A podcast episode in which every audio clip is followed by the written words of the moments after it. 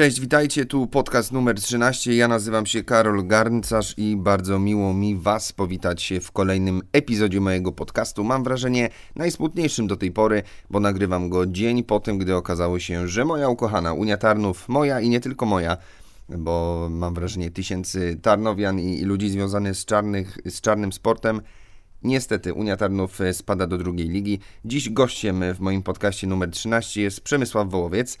Cześć, witam wszystkich bardzo serdecznie. Osoba związana z tarnowskim żużlem od lat. Przemek, znamy się już naprawdę długie lata i długie lata przy tym tarnowskim żużlu jesteśmy. Wczoraj Abramczyk Polonia Bydgoszcz wygrywa 59 do 31 ze Zdunek Wybrzeżem Gdańsk i to był nasz niestety gwóźdź do trumny. Unia Tarnów nie ma już nawet matematycznych szans na utrzymanie i spada do drugiej ligi. Stało się to, co wydawało się niestety od dłuższego czasu nieuniknione. Yy, Polonia Bydgoszcz tak naprawdę dokonała tylko formalności i te nadzieje, które jeszcze człowiek miał, bo nie oszukujmy się, właśnie jak wspomniałeś, jesteśmy fanami tego sportu i pomijając wszystkie inne aspekty, na pewno chcemy, żeby klub Starnowa wygrywał. Yy, mieliśmy tą nadzieję, że Polonia Bydgoszcz nam da ten, ten cień szansy, bo nie oszukujmy się to po prostu, czy to by się stało w tej kolejce, czy w następnej, to była kwestia, kwestia dosłownie czasu. Druga liga, yy, to już jest stało, to się już stało faktem, ale najważniejsze jest pytanie, co będzie dalej. No i chyba tutaj wielu kibiców unitarnów zadaje je sobie dzisiaj. Rozmawiałem przed chwilą z e, panem Robertem Wardzałą, też e, za chwilkę usłyszymy jego wypowiedź e, i co zaznaczył pan Wardzała, że jest lipiec, a my już wiemy, jak ta liga dla nas się zakończy. No, smutne. Smutny sezon, 11 meczów bez zwycięstwa, same porażki. Czy możemy mówić, że Unia Tarnów w tym roku miała pecha? Unia Tarnów nie miała pecha w sporcie, nic, jak nic w życiu nie dzieje się bez przyczyny. Oczywiście możemy powiedzieć, że pechem było to, że w pierwszym biegu pierwszego meczu z, z Dunek Wybrzeże Gdańsk Nils Christian Iversen doznał kontuzji, że przy okazji zdarzyły się wypadki m.in. Ernesta Kozy i wyjście ze składu. Ale nie oszukujmy się, klub Starnowa upadał, upada i czy będzie upadał, to będzie pytanie klucz. Od dobrych paru lat niestety sytuacja w klubie jest ciężka, zła i zwalanie tego na to, że tylko ten sezon po prostu był e, taką, ta sytuacja sportowa spowodowała, niestety to nie jest chyba tutaj e, najważniejsza. W trakcie sezonu zmienił się trener, osoba, która jest odpowiedzialna za drużynę przez pierwszą część sezonu. E, był to Tomasz Proszowski, następnie Paweł Baran przejął, przejął mm, zawodników. Powiedz, czy to w jakiś sposób miało wpłynąć na, na te wyniki, czy to tak naprawdę tylko kosmetyczna zmiana? W moim odczuciu zmiany wynikające tutaj na stanowiskach poszczególnych osób, bo zarówno uważam, że pan menadżer Proszowski, jak również Paweł Baran są niczemu winni. Dołączył również Jacek Rępała, człowiek związany z Tarnowskim Żużlem od bardzo wielu lat. Nie jest to klucz do rozwiązania sytuacji. E, podstawą w tym momencie niestety jest tak, że gdy budujemy drużynę, powinniśmy ją budować na początku sezonu i tego się tak naprawdę trzymać. Ja jestem jeszcze, co prawda, zwolennikiem takiej szkoły, że jak zatrudniamy kogoś, to rozliczamy go, go na koniec sezonu. E, nie znam szczegółów e, odejścia menadżera Proszowskiego. E, oraz tego, dlaczego właśnie postawiono i mianowano Pawła Barana na trenera bezpośredniego, bo to też trzeba sobie jasno powiedzieć, Paweł Baran w klubie jest od 2010 roku i cały czas tam pracuje, więc to nie jest tak, że on nagle się wziął znikąd. To nie ma, nie, nie było tu tak zwanego żadnego efektu nowej miotły. E, no niestety nie przyniosło to żadnego efektu, zawodnicy tutaj nie, nie, nie, nie zmieniło to ich jazdy, ale to trudno powiedzieć, że coś się miało zmienić. Moim zdaniem to prostu to już takie bardzo by było dalekosiężne, że akurat w takim sporcie jak już zmiana trenera aż tak by wpłynęła na zmianę wyników. Y, początek sezonu wydawało się, że jesteśmy stawiani w roli faworytów. Y, gdy gościłem u Ciebie w programie Speedway Time, rozmawialiśmy y, i mówiłem, że pamiętam, gdy sprawdzałem kursy bukmacherskie przed początkiem sezonu, to z Dunek Wybrzeże Gdański i Unia Tarnów miały najniższe kursy na to, że wygrają ligę. Okazuje się, że z Dunek Wybrzeże Gdańskie jest w górnej części tabeli. My przegrywamy. Chciałbym się jeszcze zapytać o to zamieszanie z Pawłem Miesiącem, bo wydawało się przed rozpoczęciem sezonu, że mamy naprawdę, użyję takiego kolokwializmu, pakę, e, która naprawdę da dobry, solidny wynik. Nagle okazuje się, że Paweł Miesiąc e, nie jedzie ani jednego biegu w barwach tarnowskich jaskółek. Okazuje się, że tak naprawdę Jak ty to widzisz, tę sytuację? Bo, bo to było troszkę szalone. Kibice, mam wrażenie, oczekiwali zupełnie czego innego. Musimy sobie jasno powiedzieć. Na papierze był luty. Rozmawiałem, akurat ten odcinek się nie pojawił z pewnych względów technicznych, ale z Marceliną Rutkowską ze stacji Eleven. I ona też mi powiedziała wtedy, że widziała taką sondę na sportowych, WP Sportowe Fakty.pl, że y, Unia Tarnów jest faworytem. I powiem szczerze, ja po tym sezonie mogę powiedzieć, że się na tym sporcie w ogóle nie znam, chociaż się nim interesuję 20 lat. E, bo szczerze, na papierze wyglądało to świetnie, ale kiedy były zdjęcia z pierwszych sparingów, nie sparingów, tylko treningów w tym roku, wiemy, z powodu sytuacji, nie było tych bezpośrednich y, test meczów, był tam Paweł Miesiąc, ale dobrze o tym wiem, że Paweł Miesiąc niestety już na początku zasygnalizował i tak y, teraz chyba możemy sobie to wprost powiedzieć. Paweł Miesiąc wyciągnął rękę do tego klubu. Bo on powiedział, z tego co słyszałem, to, to mówię też, nie mam teraz bardzo bliskich dojść y, do tego klubu, że jeżeli taka jest sytuacja, to on to rozumie i po prostu prosi o to, żeby mu pozwolono odejść. Jak wiemy, wybrał GKM Grudziądz, czyli po prostu coś, co dało mu jakąś stabilizację. Pojawił się na rynku Tobiasz Musielak. Mm, nie uważam, że gdyby były pieniądze, no to, no to na pewno wiemy, jak Tofik jeździ w Wilkach Krosno. Próby później kontraktowania Dawida Lamparta, czyli niestety zawodnika, mm, który nikt po prostu z innych klubów się o niego nie ubiegał. No, Paweł, y, Boże, przepraszam, Dawid, no niestety formy nie miał najlepszej w poprzednich sezonach. No, mimo wszystko Dawid Lampard można powiedzieć, że mnie przynajmniej pozytywnie nieźle. zaskoczył. Tak, bo, bardzo nieźle, tak. Bo, bo, pokazał się naprawdę z dobrej strony w tych ostatnich spotkaniach. Niestety, tylko no jeszcze e, tak naprawdę konkludując, problemy finansowe były od początku, do tego pech sportowy i to nic nowego niestety w przypadku Tarnowskiego Żużla w ostatnich latach. Przemku, posłuchajmy więc, y, co ma do powiedzenia Robert Wardzała, osoba związana z tarnowskim żużlem od lat, y, były zawodnik y, Unii Tarnów, syn Mariana Wardzały, wieloletniego trenera tarnowskich jaskółek. Panie Robercie, no prosiłbym o taki krótki komentarz, bo sytuacja nieszczęśliwa, nieszczęśliwa, smutna przede wszystkim dla kibiców tarnowskiego sportu. Ostatni raz Unia Tarnów w drugiej lidze jeździła 20 lat temu, w 2001 roku po tych 20 latach historia zatacza koła, niestety spadamy do drugiej ligi. Tak, to smutna informacja dla wszystkich kibiców, wspaniałych kibiców Tarnowa regionu. No, informacja dla klubu, również smutna dla miasta, smutna, ponieważ no, trzeba powiedzieć wprost, no, wszyscy zasługujemy tutaj na to, aby żużlowcy Unii jeździli e, w najwyższej klasie rozrywkowej, zresztą to przez lata udowadniali udowadniali swoją moc, swoją siłę, swoją pozycję i prestiż e, tutaj na arenie ogólnopolskiej i nie tylko.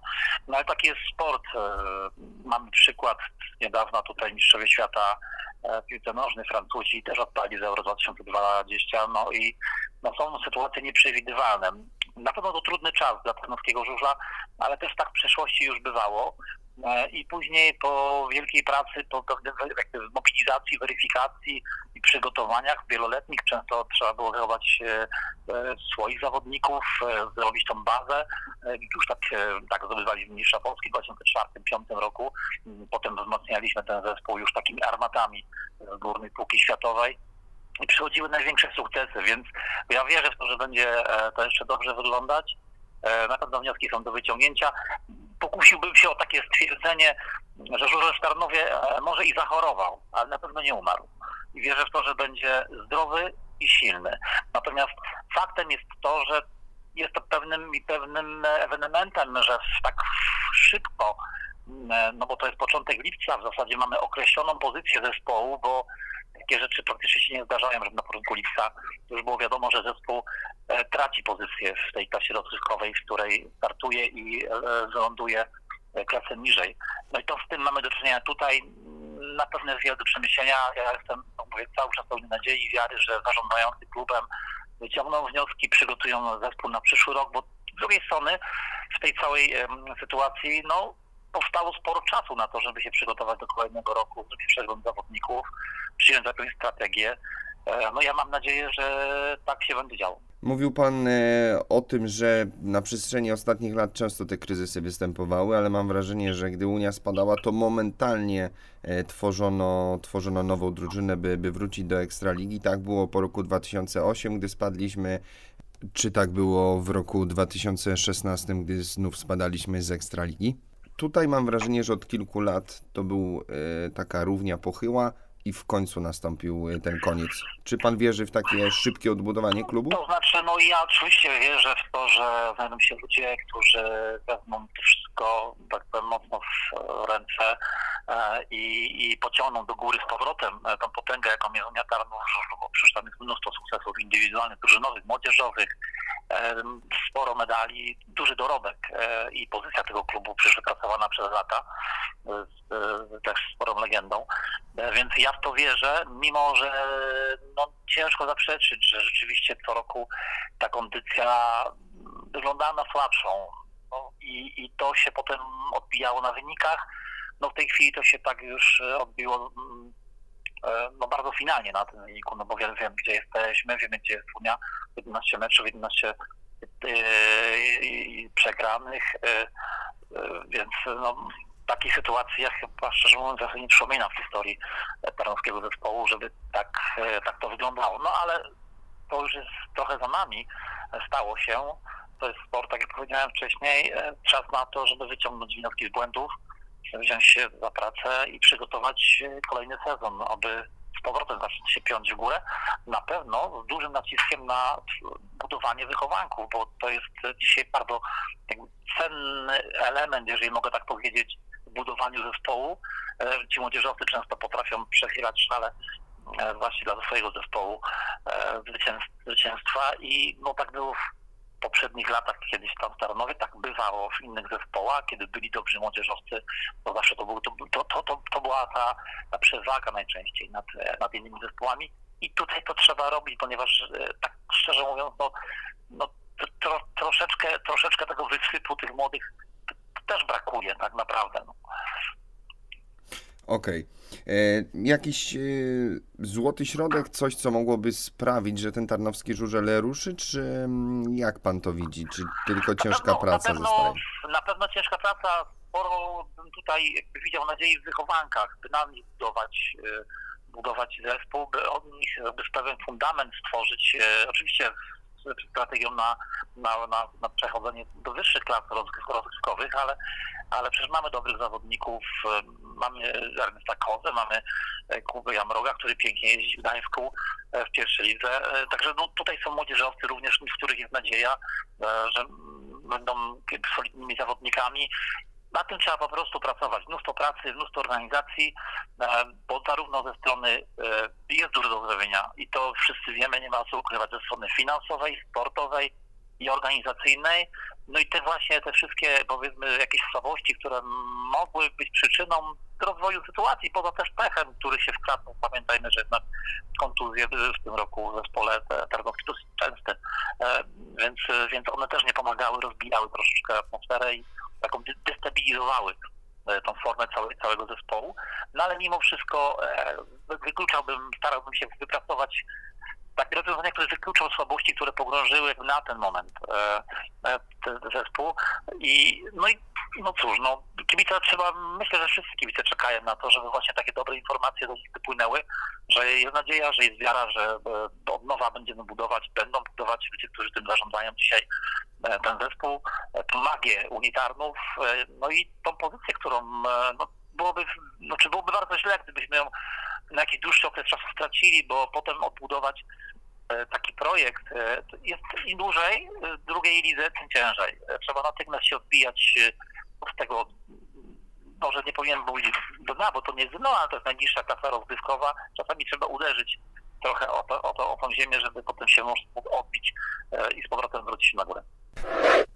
Przemek, jak ty byś e, skomentował w takim razie słowa Roberta Wardzały? Z czym się zgadzasz? Może jest coś, e, z czym się nie zgadzasz? Masz inne zdanie? Zgadzam się zwłaszcza z tym o, tutaj spostrzeżeniem pana Roberta Wardzały odnośnie tego, że trzeba stawiać na wychowanków. Jest to świetny moment, żeby odrodzić Tarnowski Żużel takim, jakim on był.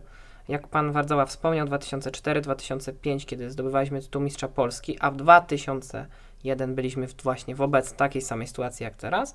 Klub składał się z sześciu wychowanków yy, przy awansie praktycznie. Oczywiście mówię tak yy, szacunkowo, bo akurat to sześciu, sześciu wychowanków plus Tony Rickardson to 94 rok i srebrny medal. No ale na przykład sezon 2004 to już yy, niejaki Tony Rickardson, bracia Golobowie i Tarnowianie. I tego potrzebujemy jeżeli taki model, że trzech zawodników, na przykład spoza Tarnowa, ale czterech z Tarnowa, plus jak wiemy, no teraz mamy zawodnika e, na pozycji z numerem 8, będą to zawodnicy pochodzący stąd, to też świadomość kibiców będzie inna.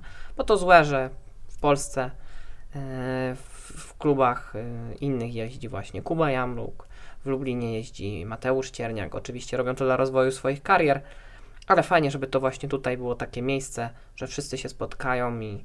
Nie może... będzie im szkoda odejść z tego klubu, bo będą wiedzieli, że tutaj mogą y, tę swoją karierę właśnie rozwijać. Mamy świetnych juniorów, którzy naprawdę dobrze prosperują. Jest Piotr Świercz, Przemysław Konieczny, Dawid Rempała, który ostatnio mm, bardzo fajnie się prezentuje w barwach y, zespołu z Rzeszowa. To są już trzy fajne nazwiska, które dobrze prosperują na przyszłość i, i, i od tego trzeba zacząć, od właśnie budowania y, tej siły i mocy juniorów? Ja jeszcze pozwolę sobie wspomnieć, że jest grupa chłopców na silnikach o pojemności, pojemności 250 cm3. To nie jest do końca tylko tak, że e, dysponujemy tymi zawodnikami, o których wspomniałeś e, i to wszystko. To jest duża grupa. Tak, to jest klucz. Młodzież, młodzież i jeszcze raz młodzież. Zawodnicy, którzy dzisiaj mają najlepiej w okolicach 16 lat, może troszeczkę więcej, ale tacy, którzy za 10 lat dalej będą młodymi zawodnikami. Teraz dla nich to jest świetna okazja. Janusz Kołodziej tak zaczął swoją karierę. Zdawał y, licencję, kiedy Unia była tak naprawdę na dnie, a y, później, dosłownie parę lat później, zdobywa, zdobywa złoto. Unia jest na szczycie i Janusz też. Tak więc życzymy sobie, przede wszystkim kibicom Tarnowskiej Unii i działaczom, bo, bo wierzę, że w klubie są ludzie, którym naprawdę zależy na tym, aby, aby ten dobry tarnowski żużel wrócił do Małopolski, do tego miasta, które przecież z czarnego sportu e, słynie najbardziej. Przemek, upadliśmy, czy ty uważasz, że taki wstrząs, e, czyli ten spadek do drugiej ligi, do najniższej klasy rozgrywkowej, może być e, takim momentem zapalnym tego, by w tarnowskim żużlu działo się lepiej? To jak w życiu. Czasami trzeba dostać kubeł zimnej wody, wyciągnąć wnioski i działać dalej. Jeśli mogę z tego miejsca, chciałem sobie pozwolić na jeden apel. Do wszystkich ludzi, którzy byli, myślę, że dalej są i będą sympatykami tarnowskiego żużla, żebyśmy nie odwracali się od tego, że to było miejsce, kiedy zabierali nas ojcowie, dziadkowie, spotykaliśmy się, yy, żeby to w nas dalej żyło, żebyśmy czuli taką potrzebę, żeby to jest dla nas ważne. A jeśli ktoś może pomóc temu klubowi, ma na to odpowiednie środki finansowe, jest w stanie pomóc organizacyjnie, to jest zarówno apel do strony tego, co się dzieje w spółce żużlowej, że trzeba stawiać na otwartość, yy, do właścicieli tego klubu. To jest prywatny klub, to też jasno trzeba sobie powiedzieć. Mam tutaj taką też apel do wszystkich yy, firm, które mogłyby wspierać, że czasem warto postawić Pamiętajmy o tym, że to jest po prostu coś więcej, a teraz właśnie ta nasza Unia jest chora i trzeba jej pomóc wyzdrowieć. Tak więc e, mamy nadzieję, że ta choroba szybko przeminie i znów niedługo będziemy się mogli cieszyć z awansu do pierwszej ligi, a później jak najszybciej e, do tej najwyższej klasy rozgrywkowej. Dzisiaj w podcaście numer 13 moim i waszym gościem był Przemysław Wołowiec. Przemku, dziękuję bardzo za obecność. Dziękuję również. A my kończymy i życzymy tego, co przedpowiedzieliśmy przed chwilą. Chcemy, mamy nadzieję, że z tego upadku wyjdzie coś dobrego i że Unia Tarnów e, zakończy tę chorobę jak najszybciej, by znów być na szczycie i że jaskółki znów będą latały nad e, Mościckim Stadionem e, i cieszyły całą tarnowską społeczność. Dzięki, że byliście z nami. Do usłyszenia.